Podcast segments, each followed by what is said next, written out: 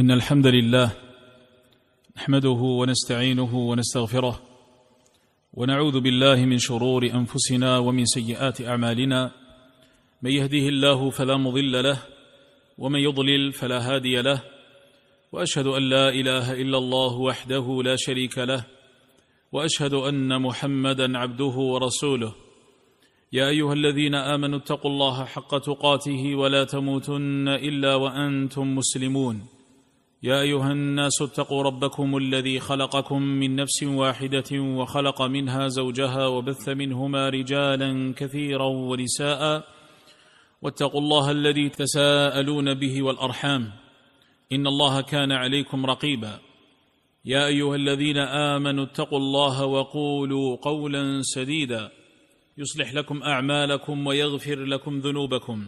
ومن يطع الله ورسوله فقد فاز فوزا عظيما. أما بعد فإن أصدق الحديث كتاب الله وخير الهدي هدي محمد صلى الله عليه وسلم وشر الأمور محدثاتها وكل محدثة بدعة وكل بدعة ضلالة وكل ضلالة في النار.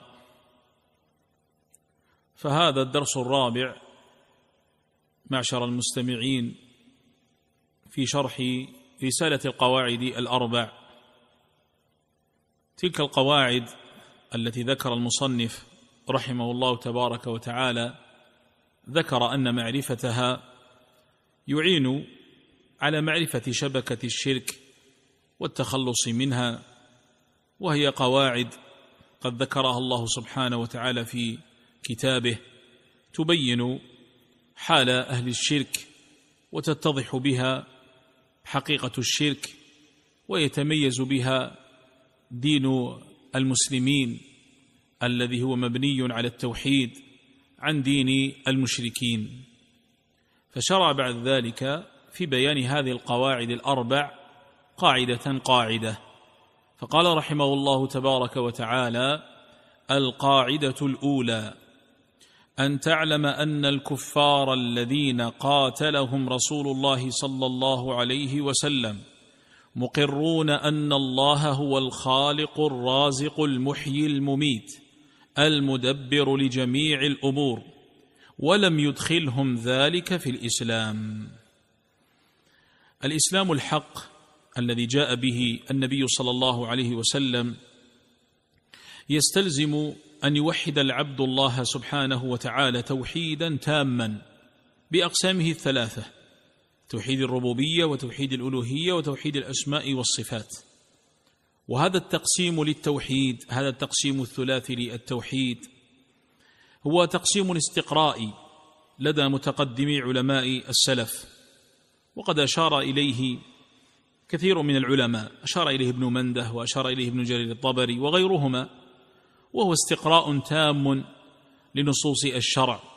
فإن العلماء قد استقرأوا نصوص الشرع فوجدوا أن التوحيد على ثلاثة أقسام.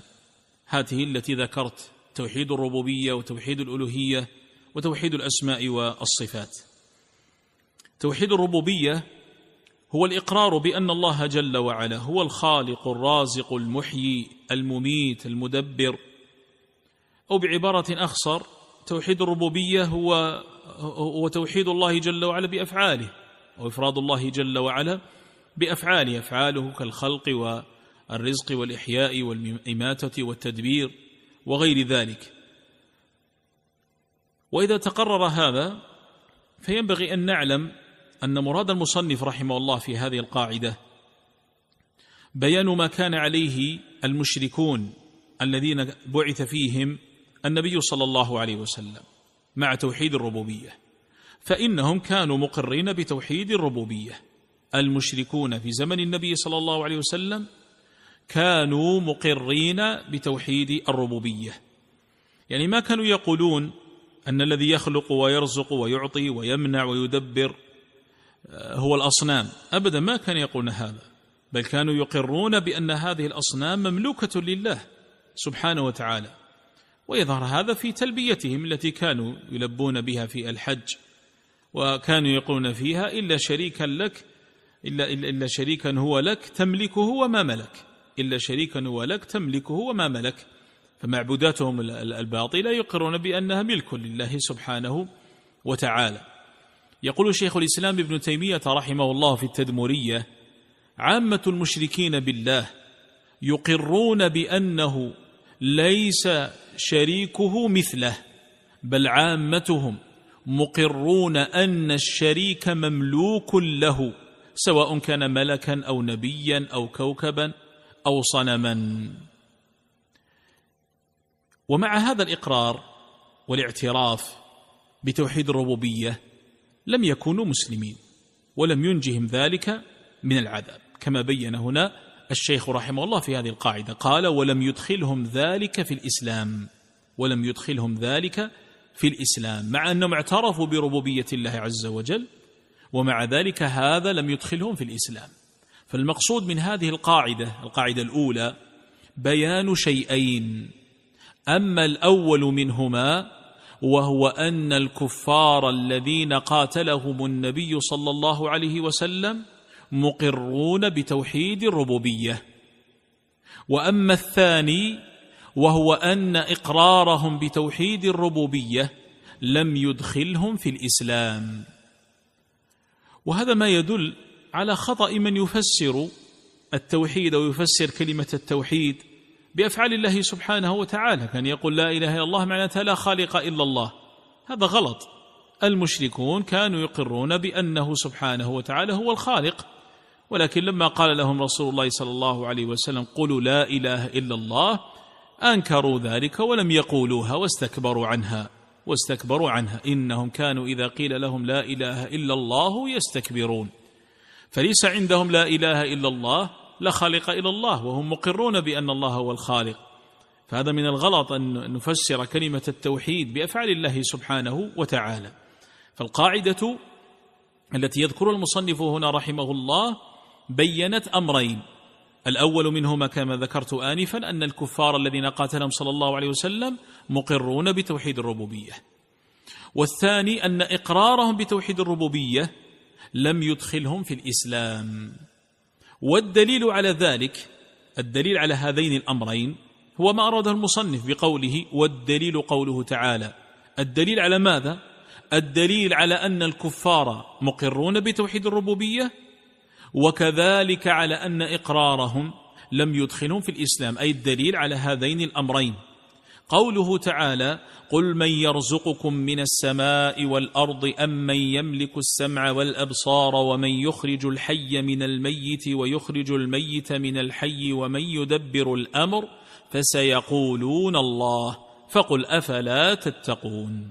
هذه الآية يقول الله سبحانه وتعالى فيها قل الخطاب للنبي صلى الله عليه وسلم. يعني قل لهؤلاء المشركين قل لهؤلاء المشركين محتجا عليهم بما أقروه بما, بما, بما أقروا به من, من, من توحيد الربوبية على ما أنكروه من توحيد الألوهية. وهذا كثيرا ما يأتي في, في, في, في القرآن كثيرا ما يأتي في القرآن كثيرا ما يأتي ويورد فيه ما يتعلق بتوحيد الربوبية للاحتجاج به على توحيد الألوهية. فالقرآن لا يذكر توحيد الربوبية. القرآن لا يذكر توحيد الربوبية ليدعو الناس إليه. لأن كثيرا منهم مقر به. لأن كثيرا منهم مقر به. لكن القرآن يذكر توحيد الربوبية ليستدل به على توحيد الألوهية. ليستدل به على توحيد الألوهية كما في هذه الآية كما في هذه الآية. فالله جل وعلا يقول للنبي صلى الله عليه وسلم قل لهؤلاء المشركين محتجا عليهم بما أقروه من توحيد الربوبية. من يرزقكم من السماء والأرض؟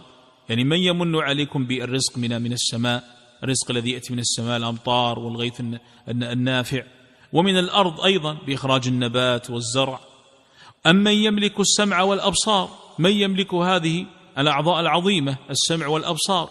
ولم يذكر غيرها؟ لم يذكر غيرها من الأعضاء.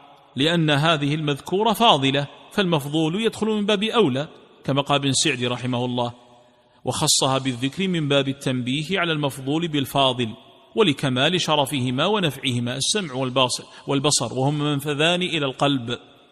ومن يخرج الحي من الميت ويخرج الميت من الحي يخرج الحي من الميت كإخراج النبات من الحب وإخراج المؤمن من الكافر ويخرج الميت من الحي العكس. إخراج الكافر من المؤمن. ومن يدبر الأمر من يدبر الأمر لخلائق كلها للعالمين السفلي والعلوي. كل أنواع التدابير الإلهية من يدبر الأمر؟ فسيقولون الله. فهم يعترفون بجميع ذلك وأنه سبحانه وتعالى لا شريك له في شيء من هذه المذكورات. الخلق هو الخالق والرازق هو والرزق هو الرازق سبحانه وتعالى والذي يدبر الأمر والذي يحيي ويميت. هو سبحانه وتعالى. والرسول الله جل وعلا يقول النبي صلى الله عليه وسلم قل لهؤلاء المشركين. فهذا جوابهم. فسيقولون الله. فلم يقولوا الأصنام هي التي التي نعبدها هي التي تفعل ذلك. جوابهم لم يكن بقولهم الأصنام التي نعبدها بل قالوا الله فسيقولون الله. وهذا فيه وجه الدلالة على الأمر الأول. إقرارهم بأن الرزق والملك والتدبير كله لله. ونحن قلنا القاعدة فيها شيئين.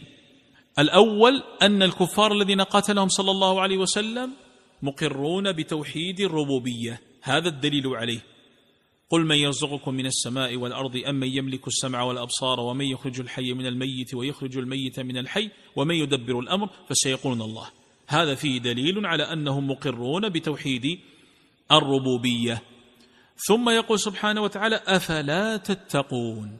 أفلا تتقون؟ يقول الحافظ بن كثير رحمه الله في تفسيره أفلا تخافون منه أن تعبدوا معه غيره بآرائكم وجهلكم؟ انتهى كلامه رحمه الله. فهؤلاء ليسوا من المتقين. هؤلاء أقروا بتوحيد الربوبية. والله عز وجل يقول لهم أفلا تتقون؟ أفلا تخافون من الله؟ فتعبدوه, فتعبدوه سبحانه وتعالى وحده. دون تلك الآلهة الباطلة فهؤلاء ليسوا بمتقين. إذا كانوا ليسوا بمتقين هذا ماذا يدل؟ يدل على أن إقرارهم بالربوبية لم يدخلهم الإسلام. هم أقروا بالربوبية كما دلت الآية.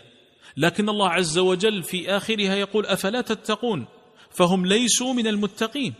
هذا ما يدل على أن ما أقروا به من ربوبية الله عز وجل لم ينفعهم ولم يدخلهم الإسلام ولم يدخلهم الإسلام.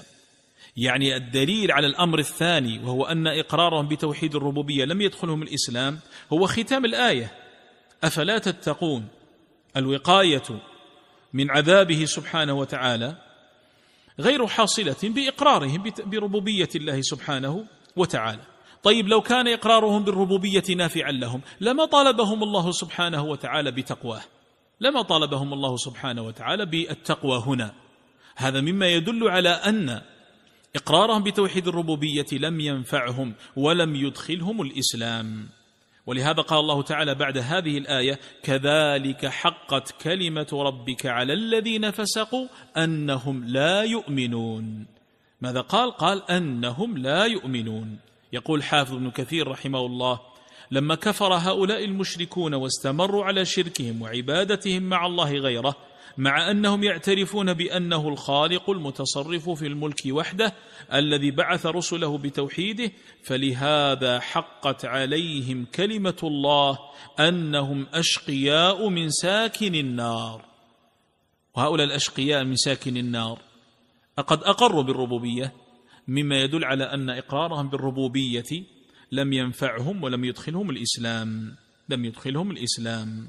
ويقول ابن جرير الطبري رحمه الله في قوله عز وجل أفلا تتقون؟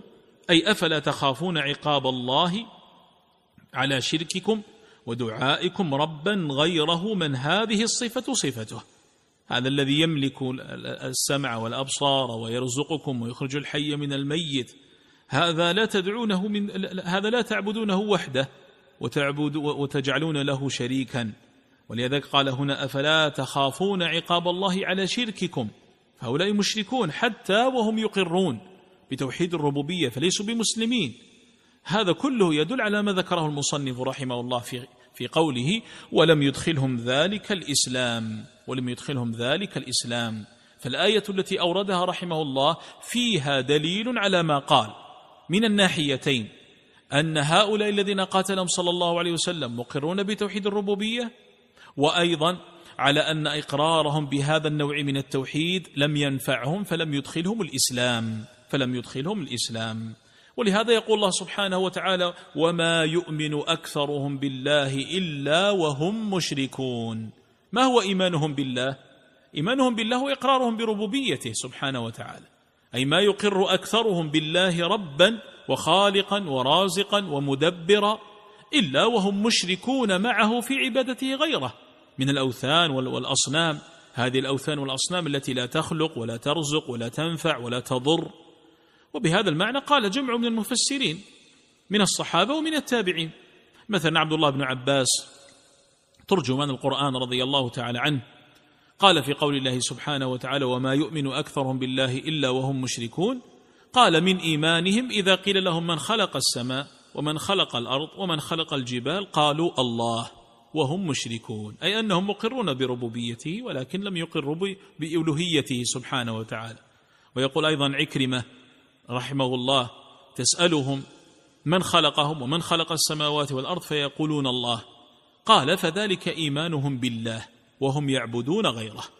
ومجاهد بن جبر رحمه الله يقول إيمانهم قولهم الله خالقنا ويرزقنا ويميتنا فهذا إيمان مع شرك عبادتهم غيره. يعني أنهم مشركون لانهم عبدوا غير الله. والإيمان المذكور في الآية وما يؤمن أكثرهم بالله يعني معترفين بربوبية الله سبحانه وتعالى. ودلائل القرآن على ذلك كثيرة جدا لكن لما كانت هذه الرسالة مختصرة لا تتحمل بسط الشواهد. المصنف اكتفى بذكر دليل واحد من القرآن من من سورة يونس. ودليل واحد أيها الإخوة من القرآن كاف. دليل من القرآن دليل واحد من القرآن كاف. فكيف إذا تضافرت الأدلة التي تدل على معنى واحد؟ فيؤخذ من هذه القاعدة الأولى الجواب عن سؤالين.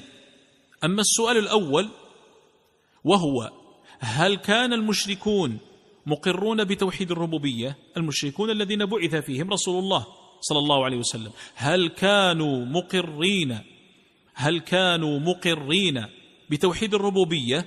الجواب نعم. المشركون كانوا مقرين بتوحيد الربوبية. وأما السؤال الثاني هل نفعهم ذلك الإقرار؟ هل نفعهم إقرارهم بتوحيد الربوبية فكانوا مسلمين موحدين؟ الجواب لا. لم ينفعهم ذلك. وهذا الجواب صريح في قوله عز وجل وما يؤمن أكثرهم بالله إلا وهم مشركون. فما ذكر الله عز وجل بأنهم موحدون؟ بل قال وهم مشركون. فلم يدخلهم ذلك الإسلام. فذلك الإقرار لا ينفع إلا إذا جيء بلازمه وهو أن يفرد الله تبارك وتعالى بالعباده هذا الذي ينفع. وما أمروا إلا ليعبدوا الله مخلصين له الدين. واعبدوا الله ولا تشركوا به شيئا. وقضى ربك ألا تعبدوا إلا إياه. قل تعالوا اتلوا عليكم ما حرم ربكم عليكم ألا تشركوا به شيئا. ولقد بعثنا في كل أمة رسولا أن اعبدوا الله واجتنبوا الطاغوت. فلا يكون المرء موحدا إلا إذا أخلص العبادة. لله كما دلت هذه الأدلة. لا بمجرد إقراره بأن الرب هو الخالق بأن الله هو الخالق والرازق. لا يكفي هذا. إلا إذا جاء بالتوحيد العملي إلا إذا جاء بالتوحيد العملي. هذا التوحيد إقرار العبد بتوحيد الربوبية يستلزم منه هذا التوحيد التوحيد العملي الذي هو توحيد الألوهية الذي مراد منه إخلاص العبادة لله سبحانه وتعالى وحده. فهؤلاء أقروا بربوبية الله عز وجل ولكنهم أشركوا معه غيره وعبدوا معه غيره فهم مشركون. ولم ينفعهم ذلك شيئا. يقول رحمه الله تبارك وتعالى في في في بداية القاعدة أن أن تعلم أن الكفار الذين قاتلهم الذين قاتلهم رسول الله صلى الله عليه وسلم. كفار الذين قاتلهم مشركون. الذين قاتلهم صلى الله عليه وسلم قاتلهم واستحل دماءهم وأموالهم. لماذا؟ لأنهم مشركون. وما نفعهم إقرارهم بالربوبية. فتوحيد الربوبية والاخوه لم يكن بين النبي صلى الله عليه وسلم وقومه فيه نزاع. لم يكن فيه نزاع. فهم كانوا مقرون به. فهم كانوا مقرين به. لكن النبي صلى الله عليه وسلم مع إقرارهم به قاتلهم. قاتلهم. مما يدل على أن النزاع بينه وبينهم. ليس في هذا. إنما كانت الخصومة بينه وبينهم في توحيد الألوهية. فهم أنكروا هذا النوع من التوحيد الذي هو الأساس. ولهذا لما دعاهم إلى لا إله إلا الله والى عبادة الله جل وعلا وحده قالوا أجعل الآلهة إلها واحدا إن هذا لشيء عجاب. واستكبروا أن يقولوا لا إله إلا الله وهم يعلمون معنى لا إله إلا الله أنها إفراد الله جل وعلا بالعبادة ولا معبود بحق إلا هو. فلم يقولوا هذه الكلمة وهم يعلمون معناها. إنهم كانوا إذا قيل لهم لا إله إلا الله يستكبرون. فلم يقولوا هذه الكلمة. وتعجبوا من ان من أن النبي صلى الله عليه وسلم يدعوهم إلى عبادة إله واحد. فقالوا أجعل الآلهة إله واحدا؟ إن هذا لشيء عجاب. ولذلك فالرسل أيها المستمعون أرسلهم الله تعالى لتحذير الناس من الشرك في توحيد الألوهية. ولا يتطرقون لتوحيد الربوبية إلا للتعريف بالله سبحانه وتعالى. والانطلاق من ذلك إلى تقرير توحيد الألوهية. ولا يدعون إليه استقلالا. وإنما دعوتهم كانت إلى توحيد الألوهية وأما ما يتعلق بتوحيد الربوبية فإنهم يذكرونه للتعريف بالله والانطلاق من ذلك والاحتجاج على الكفار باعترافهم به على توحيد الألوهية وعلى وجوب إفراد الله سبحانه وتعالى بالعبادة.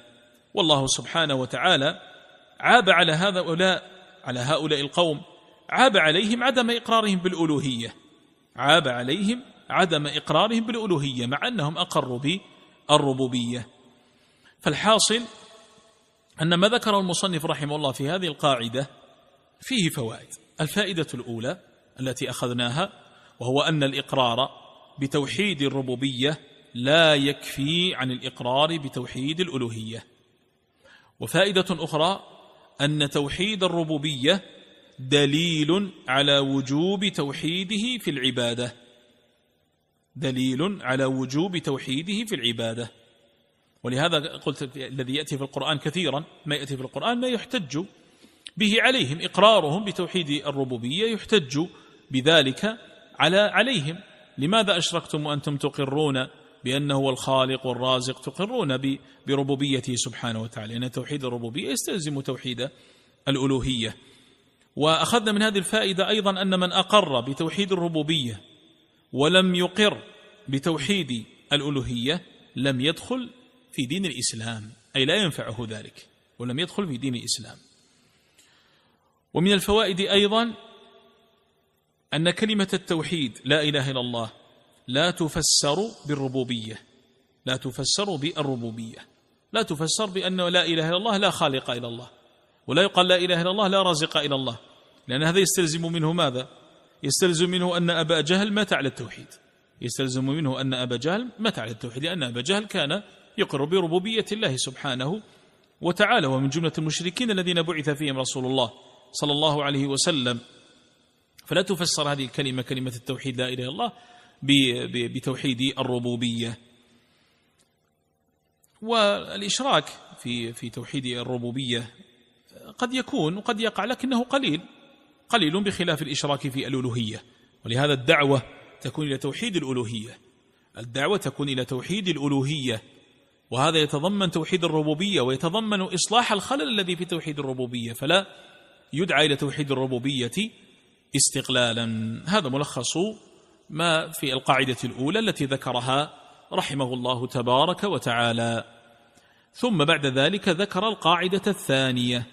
قال القاعدة الثانية أنهم يقولون ما دعوناهم وتوجهنا إليهم إلا لطلب القربة والشفاعة. هذه القاعدة هي قاعدة قاعدة مهمة جدا. هذه قاعدة من قواعد نقض طرائق المشركين ببيان أن ما يحتجون به على صرفهم العبادة لغير الله سبحانه وتعالى هي حجج باطلة لا قيمة لها. فهذه القاعدة مهمة وهي متممة للقاعدة الأولى. وذلك أننا علمنا في القاعدة الأولى أن المشركين الذين بعث فيهم رسول الله صلى الله عليه وسلم كانوا يقرون بربوبية الله تعالى بأن الله هو الخالق والرازق والمدبر. وقلنا هذا لم يدخلهم في الإسلام. السؤال هنا إذا كانوا يقرون بذلك فلماذا عبدوا الاصنام إذا كانوا يقرون بأن الله هو الخالق والرازق وهو المدبر والمحيي والمميت فلماذا عبدوا الأصنام من دون الله عز وجل؟ هل لأن هذه الأصنام تخلق وترزق وتملك وتدبر الأمر؟ الجواب لا. هم لا يعتقدون ذلك. لكن لأمر آخر. هذا الأمر الآخر بينه المصنف رحمه الله في هذه القاعدة. هذا من حججهم. يقولون ما دعوناهم وتوجهنا إليهم إلا لطلب القربة والشفاعة. ما هو الحامل لهم على الشرك ما داموا مقرين بربوبية الله عز وجل؟ ما هو الحامل لهم على الشرك ودعوة غير الله سبحانه وتعالى معه؟ الحامل لهم شيئان اثنان. الأول طلب القربة والثاني طلب الشفاعة. هذا أخذناه من كلام المصنف يقولون ما دعوناهم وتوجهنا إليهم إلا لطلب القربة والشفاعة. فالحامل لهم على الشرك هذان الأمران. طلب القربة الوسيلة التي تقربهم وتوصلهم إلى الله سبحانه وتعالى والثاني طلب الشفاعة أن تشفع لهم هذه الآلهة عند الله سبحانه وتعالى. وهما بابان يولج منهما إلى الشرك والعياذ بالله. طلب القربة وطلب الشفاعة بابان يولج منهما إلى الشرك والعياذ بالله. فإذا توجهوا هؤلاء المشركون توجهوا إلى غير الله جل وعلا بالعبادة وإذا قيل لهم في, في وإذا قيل لهم العبادة هذه التي التي صرفتموها لهذه الآلهة هي حق لله سبحانه وتعالى فلماذا تعبدونهم من دون الله؟ يقولون بأننا نعبدهم ليقربون إلى الله أو نعبدهم لنطلب, الشف... لنطلب منهم الشفاعة. فالأمر الأول يقولون هؤلاء الذين نعبدهم هؤلاء أولياء. لهم منزل عند الله فهم يقربون إلى الله. ويقول ثم يحقرون أنفسهم فيقولون ما نحن فنحن أهل الخطايا والإسراف على أنفسنا. لا يصلح أن نتوجه إليه سبحانه وتعالى. وهذه الأصنام والقبور فاضلة ولها منزلة ومكان عند الله فنحن نتوجه إليها لتقربنا إلى الله وتوصلنا إليه. هذه حجتهم الأولى. إذا قيل لهم الحامل لكم على الشرك بالله عز وجل؟ إذا توجهوا إلى غير الله جل وعلا بالعبادة وقيل لهم بأن العبادة حق لله عز وجل فالحجة التي يذكرونها هذه الأولى طلب القربة كيف طلب القربة يقولون هؤلاء الأولياء الذين نعبدهم من دون الله سبحانه وتعالى لهم منزلة عند الله ونحن أهل خطايا وإسراف على أنفسنا. لا يصلح أن نتوجه نحن إلى الله مباشرة بل نجعل هؤلاء الذين لهم منزلة ومكانة عند الله هم الذين يقربون إليه ويوصلون إليه سبحانه وتعالى. والحجة الثانية ما يتعلق بطلب الشفاعة. يقولون نحن نحتاج إلى من يشفع لنا عند الله. يقولون نحن لنا ذنوب ولنا خطايا ونحتاج إلى من يشفع لنا عند الله سبحانه وتعالى. وهؤلاء صالحون فيشفعون لنا عند الله ونتقرب إليهم من أجل أن يشفعوا لنا إلى الله سبحانه وتعالى. هذه حجج المشركين. المشركون لم يعتقدوا أن معبوداتهم تدبر وتملك وتخلق وترزق ولكنهم كانوا يتوجهون إليها لتحصيل هذين الأمرين المذكورين طلب القرب وطلب الشفاعة. وهذان الأمران اللذان هم آه، حجج المشركين قد أبطلهما الله سبحانه وتعالى. هما حجة أهل الشرك فيما فعلوه الله سبحانه وتعالى في كتابه قد أبطلها. أولا ما هو الدليل على أنهم كانوا يقولون ذلك؟ وكانوا أنهم كانوا يعبدون الأصنام لهذين السببين. حتى لا يقال من أين أتيتم بهذا؟ المصنف من أين أتى بهذا؟ وهو يقول بأن المشركين يقولون ما دعونا هذه الآلهة التي نعبدها من دون الله إلا لطلب القربى والشفاعة إلى الله سبحانه وتعالى. فيقول قائل أنتم تقولون هذا عنهم؟ ما الدليل على ذلك؟ المصنف ذكر الدليل. ذكر الدليل. لو نتذكر ما ذكره المصنف رحمه الله في المقدمة. في المقدمة ذكر بأن هذه القواعد قد ذكرها الله في كتابه. ولن يذكر القاعدة الثانية. هذه القاعدة الثانية ذكر الله سبحانه وتعالى في كتابه. قال فدليل القربة قوله تعالى. ونتأمل قال فدليل القربة.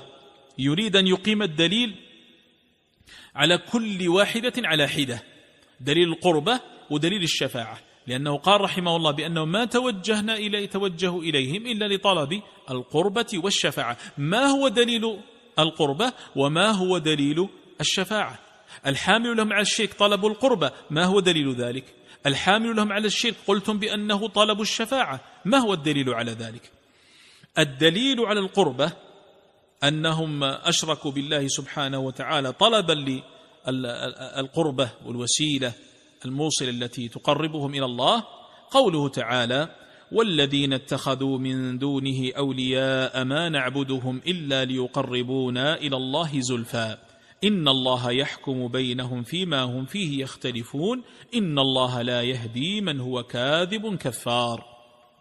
هذا دليل على أنهم أولا أشركوا وعبدوا غير الله سبحانه وتعالى لهذه الحجة وهي طلب القربة. وذات الدليل فيه إبطال لذلك. فقوله سبحانه وتعالى ما نعبدهم إلا ليقربونا إلى الله زلفى هذا يدل على ما أشار إليه المصنف. وهو طلب القربة أي إنما عبدوا هذه الأصنام من أجل القربة من أجل أن تقربهم إلى الله سبحانه وتعالى وأن توصلهم إليه. فهذا دليل دليل كلام المصنف يقولون ما دعوناهم وتوجهنا إليهم إلا لطلب القربة. ما هو الدليل أنهم ما توجهوا وعبدوا هؤلاء إلا لطلب القربة؟ والذين اتخذوا من دونه أولياء ما نعبدهم إلا ليقربون إلى الله زلفى. لماذا عبدوهم؟ عبدوهم لطلب القربة. من أجل أن تقربهم هذه المعبودات الباطلة إلى الله سبحانه وتعالى. وذات الآية كما قلت فيها إبطال لذلك. هذه الآية تدل على بطلان ما قالوا. على بطلان ما قالوه واعتقدوه من أنها تقربه من الله سبحانه وتعالى. والآية أبطلت هذا من وجوه. أبطلت هذه الحجة من وجوه. أما الوجه الأول فإن الله عز وجل سمى فعلهم عبادة. قالوا قال ما نعبدهم. ونحن نعلم بأن العبادة حق لله سبحانه وتعالى. العبادة حق لله سبحانه وتعالى. ولذلك لو قالوا نحن ما نعبدهم ما نعبدهم وإنما هؤلاء يقربون إلى الله سبحانه وتعالى. يعني كان يقول نحن نتسبب فقط. لا هذه عبادة سماها الله عز وجل عبادة. تقربكم لهم عبادة. والأمر الثاني وهو التهديد الشديد والوعيد في قوله عز وجل إن الله يحكم بينهم فيما هم فيه يختلفون. هؤلاء اختلفوا في الدين والتوحيد والشرك. فيحكم الله جل وعلا بين المخلصين والذين لم يخلصوا. وهذه الآية فيها تهديد ووعيد شديد. ووجه ثالث في قوله عز وجل إن الله لا يهدي من هو كاذب كفار. أخبر الله جل وعلا عنهم أنهم ليسوا صادقين بل هم أهل الكذب. والأمر الرابع أن الله جل وعلا حكم بكفرهم كاذب كفار. قال الشوكاني في فتح القدير وهو كفر شديد لأن كفار صيغة مبالغة تدل على أن كفرهم بلغ الغاية. والأمر الخامس نسبة الكذب إليهم في دعواهم. دعواهم ماذا؟ دعواهم وجود الولي لله. فنفاه الله تبارك وتعالى. لأنه قال والذين اتخذوا من دونه أولياء. فكذبهم الله سبحانه وتعالى. قال, قال الله عز وجل ولم يكن له ولي من الذل. فالله لا يتولى أحدا من خلقه ليتعزز به أو يعاونه أبدا. لكنه جل وعلا يتخذ أولياء إحسانا منه إليهم ورحمة بهم. كما قال الله عز وجل الله ولي الذين آمنوا. الله ولي الذين آمنوا. هؤلاء اتخذهم الله عز وجل أولياء لكنه إحسان منه سبحانه وتعالى إليهم ورحمة بهم سبحانه وتعالى. فالآية فيها أمران الأول فيها دليل على ما ذكر المصنف وهو أنهم ما عبدوا هذه الأصنام إلا لطلب القربة. والأمر الثاني في الآية هو إبطال ذلك من الوجوه الخمس التي أشرت إليها. ثم يقول رحمه الله ودليل الشفاعة قوله تعالى ويعبدون من دون الله ما لا يضرهم ولا ينفعهم ويقولون هؤلاء شفعاؤنا عند الله قل أتنبئون الله بما لا يعلم في السماوات ولا في الأرض؟ سبحانه وتعالى عما يشركون. قال ودليل الشفاعة وهو الأمر الثاني. فهؤلاء أشركوا لأجل طلب الشفاعة عبدوا هؤلاء لأجل طلب الشفاعة كما قلنا الحامل لهم على الشرك أمران طلب القربة هذه مضت والآن طلب الشفاعة. ما هو الدليل عليها؟ الدليل هذه الآية. قوله تعالى ويعبدون من دون الله ما لا يضرهم ولا ينفعهم ويقولون هؤلاء شفعاؤنا عند الله. يعني فيها دليل على أنهم عبدوا هذه المعبودات. لماذا؟ لتكون شافعا لهم عند الله. هؤلاء شفعاؤنا عند الله. هذا وجه الدلالة. هؤلاء شفع هذا هو الشاهد. ووجه الدلالة منه. هؤلاء شفعاؤنا عند الله. هؤلاء الذين عبدوهم من دون الله سبحانه وتعالى عبدوهم ليكونوا شفعاء لهم عند الله. ولهذا قال الله عنهم قالوا هؤلاء شفعاء ويقولون هؤلاء شفعاؤنا عند الله. الشفاعة في اللغة من الشفع وهو خلاف الوتر والشفاعة هو توسط الشافع لغيره. بجلب نفع أو دفع ضر أو, أو رفعه. هذه هي الشفاعة. وكما قلنا في الآية السابقة هذه الآية أيضا دلت على على أنهم ما عبدوا تلك الآلهة والحامل لهم على الشرك وطلب الشفاعة وفي ذات الآية دليل على بطلان ذلك.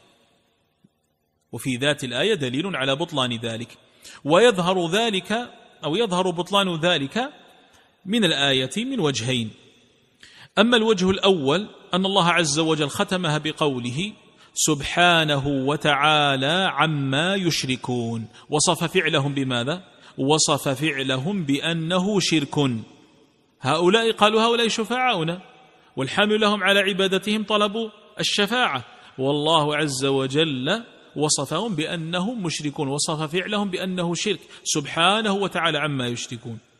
والوجه الثاني في قوله جل وعلا سبحانه أي نزه نفسه الكريمة عن شركهم سبحانه وتعالى. فعلم أن هذا الفعل منقصة لله سبحانه وتعالى. ما هو هذا الفعل؟ هو طلب الشفاعة من غيره. طلب الشفاعة من غيره. والمصنف رحمه الله لما وضح أن شرك الأولين كان سببه طلب الشفاعة مع طلب القربة فذكر طلب القربة اولا ثم طلب الشفاعة. بين بعد ذلك أن النصوص دلت على أن الشفاعة على نوعين وهذا استطراد منه في هذا الباب. لما ذكر الشفاعة استطرد فذكر بأن الشفاعة على نوعين. قال والشفاعة شفاعتان. والذي دل على أن الشفاعة شفاعتين هو الأدلة من الكتاب والسنة.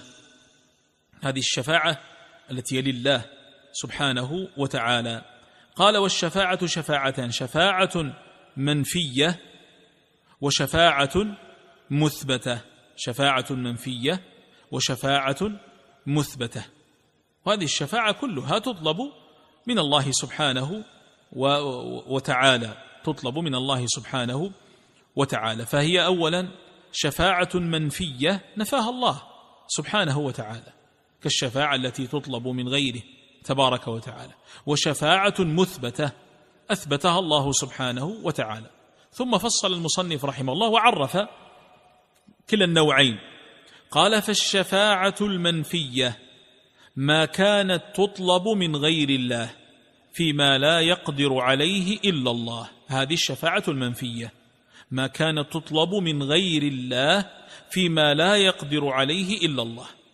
وهو عرف الشفاعة المنفية هنا ليبينها. والغرض من بيانها أن تحذر أن يحذرها المسلم وأن يحذر من الوقوع فيها.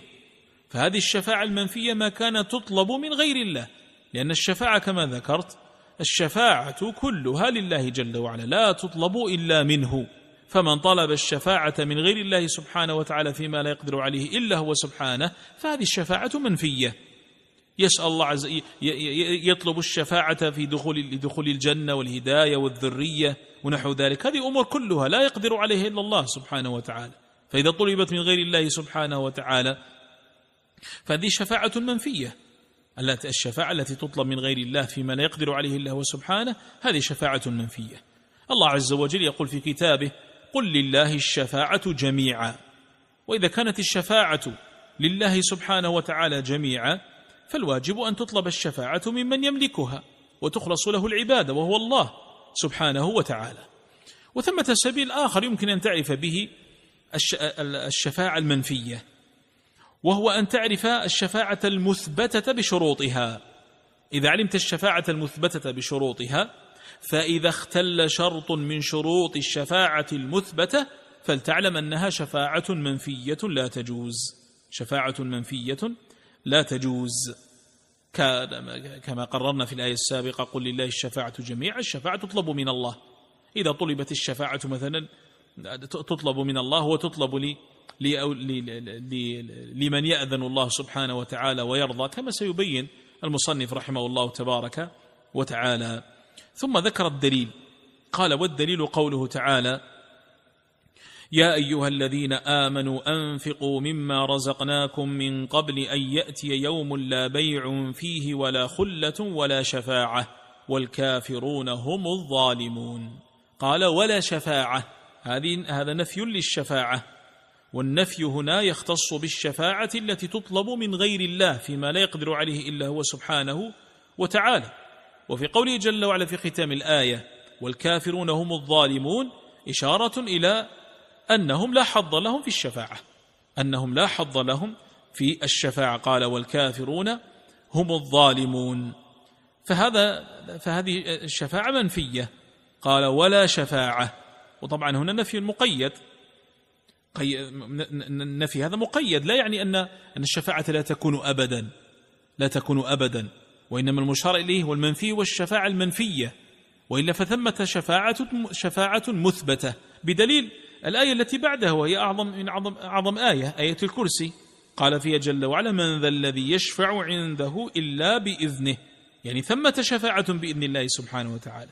فقوله جل وعلا ولا شفاعة لا يعني نفي الشفاعة مطلقا وإنما هذا فيه نفي الشفاعة فيه هذه الشفاعة المنفية. الشفاعة المنفية والا ثمة شفاعة مثبتة بشروطها كما قال عز وجل من ذا الذي يشفع عنده إلا بإذنه ثم قال مصنف رحمه الله والشفاعة المثبتة هي التي تطلب من الله هي التي تطلب من الله. لماذا تطلب من الله؟ لأن الشفاعة ملك لله سبحانه وتعالى. قل لله الشفاعة جميعا. ولهذا الشفاعة لا تطلب من أحد إلا من الله فيما لا يقدر عليه إلا هو سبحانه وتعالى. حتى من يشفع بإذن الله جل وعلا الذي يشفع بإذن الله جل وعلا. لا تطلب منه الشفاعة. الرسول صلى الله عليه وسلم معلوم أنه يشفع يشفع بإذن الله. كما في المقام المحمود العظيم والشفاعة العظمى التي هي خاصة به صلى الله عليه وسلم. يقول له ربه جل وعلا اشفع تشفع يأذن الله جل وعلا له. هل تطلب الشفاعة من رسول الله صلى الله عليه وسلم؟ هل يصلح أن يقول أحد يا رسول الله اشفع في لا ابدا. لا تطلب الشفاعة من رسول هذا غلط. الدعاء الذي يصح أن تقول اللهم اجعل نبيك شفيعا لي اللهم اجعل نبيك شفيعا لي يوم القيامة. اللهم شفع في نبيك. اللهم شفع في ملائكتك. فهؤلاء لا يملكون الشفاعة. الذي يملك الشفاعة هو الله سبحانه وتعالى ولهذا تطلب منه وحده. ولهذا يقول الشفاعة المثبتة شرطها أو من شروطها اولا أن تطلب من الله. قال هي التي تطلب من الله. قال والمشفوع له. قال والشافع مكرم بالشفاعة. قال والشافع مكرم بالشفاعة. نكمل الشروط ثم نعود إلى كلامه. قال والمشفوع له. الشروط يعني من كلامه ثم نعود إلى قوله والشافع مكرم بالشفاعة. قال والمشفوع له. من رضي الله قوله وعمله بعد الإذن. هذا الكلام فيه بيان لشروط الشفاعة المثبتة وهي رضا الله عن الشافع والمشفوع وأيضا إذنه سبحانه وتعالى فلا شفاعة إلا بإذنه. اولا قال والمشفوع له من رضي الله قوله وعمله فلا بد من رضا الله عن المشفوع له. هذا الكافر الله لا يرضى عنه فلا يجب فلا فتكون الشفاعة له أبدا. ما للظالمين من حميم ولا شفيع. الكفار ليس لهم شفاعة لأن الله لا يرضى عنهم والله لا يرضى إلا عن التوحيد. فلا بد من رضا الله عن الشافع والمشفوع. رضا الله من الشا عن الشافع والمشفوع. ولا بد ثانيا من إذن الله سبحانه وتعالى. ما الدليل؟ قال كما قال تعالى من ذا الذي يشفع عنده إلا بإذنه. هذا دليل شرط الإذن. من ذا الذي يشفع عنده إلا بإذنه. طيب قد يقول قائل والمصنف لم يذكر دليل الرضا؟ نقول أولا رسالة مختصرة. وثانيا لم يذكر شرط الرضا عن الشافع والمشفوع لإمكان اندراج الرضا في الإذن. فإن الله إذا أذن رضي. إذا أذن لهذا أن يشفع معناته أن الله رضي عنه ورضي عن المشفوع له. مع أن شرط الرضا قد ورد في الآيات. ورد اشتراطه في الآيات كقوله سبحانه وتعالى ولا يشفعون إلا لمن ارتضى ولا يشفعون إلا لمن ارتضى. وكما ذكرت الله سبحانه وتعالى لا يرضى إلا عن التوحيد وأهله شافعين ومشفوعا لهم. لا بد من التوحيد والإيمان في الشافع والمشفوع له. هؤلاء الذين يرضى الله سبحانه وتعالى عنهم. وجمع الله سبحانه وتعالى بين الشرطين شرط الرضا وشرط الإذن في قوله جل وعلا وكم من ملك في السماوات لا تغني شفاعتهم شيئا إلا من بعد أن يأذن الله لمن يشاء ويرضى إلا من بعد أن يأذن الله لمن يشاء فلا بد من إذنه في الشفاعة ويرضى فلا بد من رضاه في الشفاعة عن الشافع رضاه عن الشافع والمشفوع.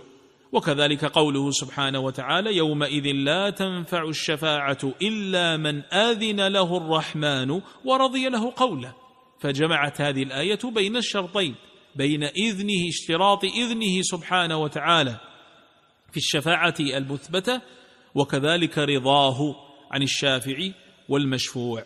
فالشفاعة المثبتة أيها الإخوة أولا لا تكون إلا بإذن الله. لا تكون إلا ب... وقبل ذلك هي لا تطلب إلا من الله. لا تطلب إلا من الله سبحانه وتعالى لأن الشفاعة ملك له. وثانيا لا تكون إلا بإذن الله. وثالثا لا تكون إلا عمن رضي الله عنه. لا تكون إلا عمن رضي الله عنه. ثم تسأل الله جل وعلا يرضى عمن؟ الله جل وعلا لا يرضى إلا عن أهل التوحيد. لأنه قال سبحانه وتعالى عن أهل الكفر فما تنفعهم شفاعة الشافعين. فهم لا ينت... فهم لا... فهم لا... لا تنفعهم شفاعة الشافعين لأجل كفرهم. والله جل وعلا لا يرضى عنهم والله لا يرضى عن أعمالهم. والشفاعة لا تكون إلا لمن ارتضى سبحانه وتعالى. المصنف قال والشافع مكرم بالشفاعة. الشافع مكرم بالشفاعة. هذا فيه بيان للحكمة من الشفاعة. الله جل وعلا أيها الإخوة قادر على إنفاذ ما يحصل بالشفاعة ابتداء. قادر على ذلك من غير شفاعة. مثلا ما يتعلق بالشفاعة العظمى الله جل وعلا قادر على أن يقضي بين الخلائق من غير شفاعة. ولكن لماذا تكون ثمة شفاعة؟ ما الحكمة من ذلك؟ لله جل وعلا في ذلك حكمة بالغة. فمن ذلك إكرام الشافع. وإكرام الشافع يكون من وجهين كما بين ذلك الشيخ ابن عثيمين رحمه الله. أما الوجه الأول ظهور فضل الشافع على المشفوع له. وأما الوجه الثاني فهو ظهور منزلة الشافع عند الله تعالى. هذه الحكمة من الشفاعة مع أن الله عز وجل قادر على أن ينفذ أمره وما يحصل بالشفاعة بغير شفاعة فقوله والشافع مكرم بالشفاعة هذا فيه رحمة فيه أن الشفاعة رحمة للشافع فيه أن الشفاعة فيها إكرام للشافع وهي رحمة للمشفوع فيه فهي إكرام الشافع مكرم بالشفاعة مكرم بالشفاعة من الوجهين ظهور فضل الشافع المشفوع له وكذلك ظهور منزلة الشافع وبالنسبة للمشفوع له والمشفوع فيه فالشفاعة رحمة له. فالشفاعة رحمة له. فالمصنف رحمه الله ذكر هذه القاعدة القاعدة الثانية التي فيها حجة من حجج المشركين لأجل صرفهم العبادة لغير الله عز وجل وفيها الحامل لهم على الشرك وهذه حجة باطلة. فذكر رحمه الله ما يدل عليه من كتاب الله سبحانه وتعالى وأيضا ما في الأدلة في ذات الأدلة من إبطال لحجج المشركين. لكن هو لما ذكر طلب الشفاعة قلت استطرد فيما يتعلق بالشفاعة وذكر نوعي الشفاعة شفاعة مثبتة وشفاعة منفية وعرفها وذكر شروط الشفاعة وذكر الحكمة من الشفاعة الشافع مكرم بالشفاعة كما قال رحمه الله تبارك وتعالى. وأنا أستطرد أيضا وأزيد على ما قاله مما يزيده العلماء رحمه الله إذا تكلموا عن الشفاعة الشفاعة المثبتة فيقولون الشفاعة فيقولون الشفاعة المثبتة ستة أنواع. أما النوع الأول الشفاعة العظمى المقام المحمود. هذه خاصة بالنبي صلى الله عليه وسلم. عسى أن يبعثك ربك مقاما محمودا وهي الشفاعة العظمى التي تكون يوم القيامة.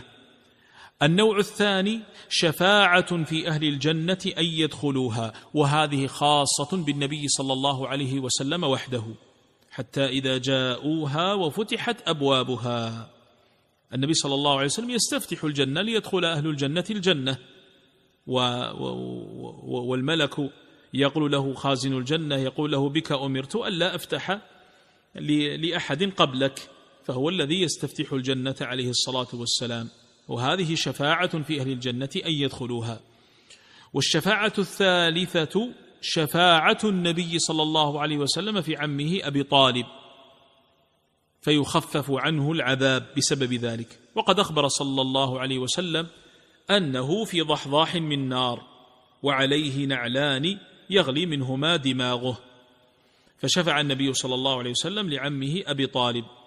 طيب قد يقول قائل ليس أبو طالب قد مات على الشرك والكفر؟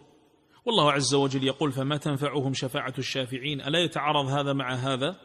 في الظاهر نعم لكن قوله سبحانه وتعالى فما تنفعهم شفاعة الشافعين؟ قد يحمل جمعا بين هذين على أنه لا تنفعه فيخرج من النار. لا تنفع تلك الشفاعة فيخرج من النار وإلا فهو خالد في نار جهنم أبدا. لكن خفف عنه العذاب. أو يقال إن هذا خاص بالنبي صلى الله عليه وسلم شفاعة في كافر مع أن هذا الكافر لا يرضى الله عنه. ونحن قلنا بأن الله جل وعلا لا يرضى إلا عن التوحيد وهو لا يشفع إلا لمن ارتضى فلا بد من رضا. ربنا سبحانه وتعالى الشافع والمشفوع له. والمشفوع له هنا والمشفوع فيه لا يرضى الله عنه. فكيف خفف عنه العذاب؟ يقال إن هذا خاص بالنبي صلى الله عليه وسلم. وأما الشفاعة الرابعة وهي من, أنواع الشفاعة المثبتة هي الشفاعة في من يستحق النار من أهل التوحيد ألا يدخلها. شفاعة ممن يستحق النار من أهل التوحيد ألا يدخلها. وهذه عامة للنبي صلى الله عليه وسلم وللمؤمنين. يدعو المؤمنون لأخيهم المؤمن الذي فعل ذنوبا ومعاص ومات عليها يدعون له فيشفعهم الله سبحانه وتعالى فيه. ومن ذلك قول النبي صلى الله عليه وسلم ما من مسلم يقوم على جنازته أربعون رجلا لا يشركون بالله شيئا إلا شفعهم الله فيه وهم إذا قاموا يصلون عليه يسألون الله عز وجل أن يغفره وأن أن يغفر له وأن يرحمه فيشفعهم الله سبحانه وتعالى فيه. والشفاعة الخامسة والنوع الخامس من الشفاعة المثبتة. الشفاعة في من دخل النار من أهل التوحيد أن يخرج منها. وهذا قد تواتر عن النبي صلى الله عليه وسلم ذكره كما في حديث الشفاعة الطويل. فإن فإن عصاة المؤمنين الذين رجحت سيئاتهم على حسناتهم وشاء الله ألا يغفر لهم يدخلون النار فيعذبون فيها ولكنهم يخرجون من النار إلى الجنة. وخروجه من النار إلى الجنة يكون بشفاعة الشافعين كما يكون برحمة الله سبحانه وتعالى. يشفع تشفع الملائكة ويشفع النبيون ويشفع المؤمنون يشفعون في إخوانهم. فهذا عام للنبي صلى الله عليه وسلم وللمؤمنين. يشفعون لأهل التوحيد الذين دخلوا النار أن يخرجوا منها كما أن الله عز وجل يخرج خلقا من هؤلاء برحمته سبحانه وتعالى. والنوع السادس والأخير من الشفاعة المثبتة الشفاعة في رفع درجات بعض أهل الجنة الدعاء بأن يرفع الله درجاتهم. فهذا فهذه شفاعة كما دعا النبي صلى الله عليه وسلم لأبي سلمة رضي الله تعالى عنه اللهم اغفر له. دعا صلى الله عليه وسلم لأبي سلمة فقال اللهم اغفر له وارفع درجته في المهديين. قال وارفع درجته في المهديين. فهذه الشفاعة المثبتة بأنواعها الست التي يذكرها العلماء والتي قد دلت عليها الأدلة من كتاب الله وسنة نبينا صلى الله عليه وسلم. ثم بعد ذلك ذكر المصنف رحمه الله القاعدة الثالثة فالرابعة وهذه سنأخذها بإذن الله عز وجل في الدرس المقبل إن شاء الله.